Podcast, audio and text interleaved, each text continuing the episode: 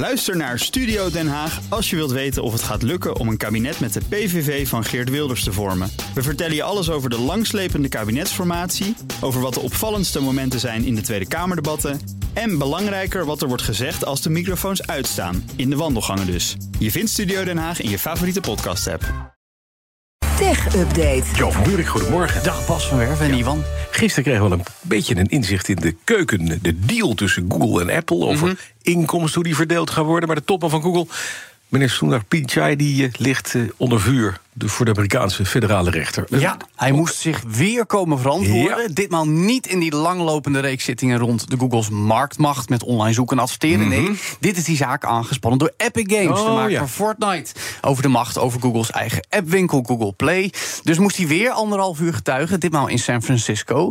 Eh, dat is dus eigenlijk ja, een andere zaak, maar wel eh, ligt ernaast. Eh, en zegt daar natuurlijk, ja, we hebben ook grote concurrentie van andere techgiganten zoals Apple en Samsung. Dus alles wat we doen, eh, ja, er zijn misschien wat nadelen, maar het weegt niet op tegen de voordelen die we uiteindelijk bereiken met onze keuzes. Ja, Eh, ditmaal waren het dus vooral de advocaten van Epic die Pichai probeerden aan te vallen met vragen over transparantie en dealtjes. En daar kwam het interessante, namelijk bevestiging van dat saillante getal van 36% eerder deze week. Dat is namelijk Mhm. het percentage dat vanuit omzet gehaald uit advertenties bij online zoeken naar Apple gaat. Voor mensen die in de Safari-browser zoeken.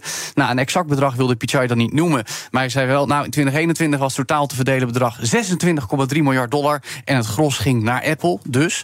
Verder ging het over die marktmacht in Google Play. en Waarom Google daar tegenwoordig 30% commissie rekent. Terwijl ze dat ja, 12 jaar terug helemaal niet deden. Ze zijn eigenlijk wat dat betreft Apple geworden. Want Pichai voerde hetzelfde argument aan. Zei ja, een stukje kwaliteitscontrole. Het kost geld, hè, ja. kost geld. In de praktijk merken we daar niet evenveel van. Maar bevestigt wel weer, die techreuzen lijken allemaal Ja, harken met grote harken. Dat ook. Een kleinere techreus uit China dan, ByteDance, heeft een belangrijke samenwerking voor TikTok gepresenteerd. Ja, ze gaan samenwerken met niet de minste platforms als het gaat om je muziek luisteren. Spotify, Apple Music en het muziekplatform van Amazon.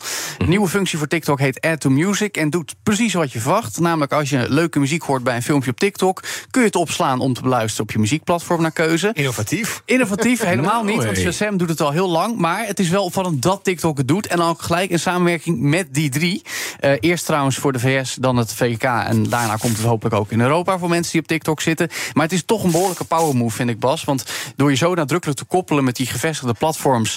eh, ja, is het toch wel een, een, een partnership, eh, kun je zeggen. eh, als manier om nieuwe muziek te ontdekken. En vooral artiesten en platenlabels vinden Ja. dat belangrijk. Want we weten, TikTok geldt altijd als dé manier om een nieuwe hit te laten landen. En het onderstreept wat de echte concurrenten van TikTok zijn, namelijk Instagram en YouTube. Want je hebt ook nog muziekplatform YouTube Music. Maar daarmee komt geen koppeling. Maar. Google moet natuurlijk wel een beetje op afstand gehouden worden als concurrent van TikTok. Zeker. Eventjes naar video's, want afgelopen nacht was er een primeur op Netflix. Namelijk live sport met Formule 1-coureurs zonder raceauto's. Netflix is live. You're here exactly where you should be, the only place to be. You're watching for the very first time live sports on Netflix. En geen 1 Live sports op Netflix Ja. met Formule 1-coureurs zonder auto's. Ja, nou, Wat was het dan? golven in de Netflix Cup. Ja, even een ander tempo. Hoewel Hele het kleine begon- balletjes zijn dat, hè? Nou, het viel mee. Het begon wel met een wedstrijdje speed golf trouwens. waar Meerdere teams, combinaties tussen coureurs en topgolfers... Mhm. daadwerkelijk zo snel mogelijk de, hol- eh, de bal in de hol moesten krijgen. Inclusief een soort wilde race met golfkarretjes.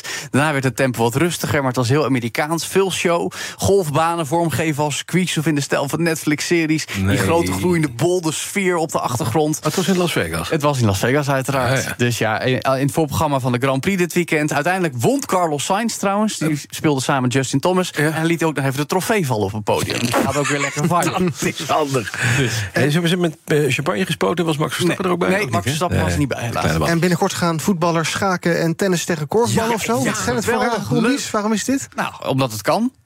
En dat Netflix er de aandacht mee trekt. Maar het was wel geestig gedaan. En voor het eerst live sport. Dus wie weet gaan ze meer doen in de toekomst. Dus. Radiopresentatoren die voetballen. Vanmiddag om drie uur op deze zender. BNR Dat was gedaan vroeger. Ja, ja. Wat heb je in de show vanmiddag? We gaan het over LinkedIn hebben, want die tikt eh, eerder deze maand 1 miljard gebruikers aan. Wat gaan ze daar verder doen? Ook met AI, want Microsoft is Mhm. daar van LinkedIn. Met de Nederlandse topman Marcel Molenaar bespreken we dat. Een update van onze stemkeuzehulp Open Verkiezingen bij BNR. En we vragen ons af hoe goed je privacy nou beschermd is in moderne auto's, Bas. En hoe je daar beter op kan letten. Mhm. Let jij daar wel eens op? Jij rijdt geen moderne Was in auto's. moderne auto's? Nee, dat is eh, de beste beveiliging. In die je Basse kan auto's is de privacy perfect geregeld. Fantastisch. Waar. Ik trots op je, Bas. nergens doorgevolgd. Geweldig. Dankjewel, Joe van Buurik. De BNR Tech Update wordt mede mogelijk gemaakt door Lenklen. Lenklen. Betrokken expertise, gedreven resultaten. Bij BNR ben je altijd als eerste op de hoogte van het laatste nieuws. Luister dagelijks live via internet. Bas van Werven. En heel langzaam komt de zon op rond dit tijdstip. Je krijgt inzicht in de dag die komt op BNR, het Binnenhof in Nederland en de rest van de wereld. De Ochtendspits. Voor de beste start van je werkdag. Blijf scherp en mis niets.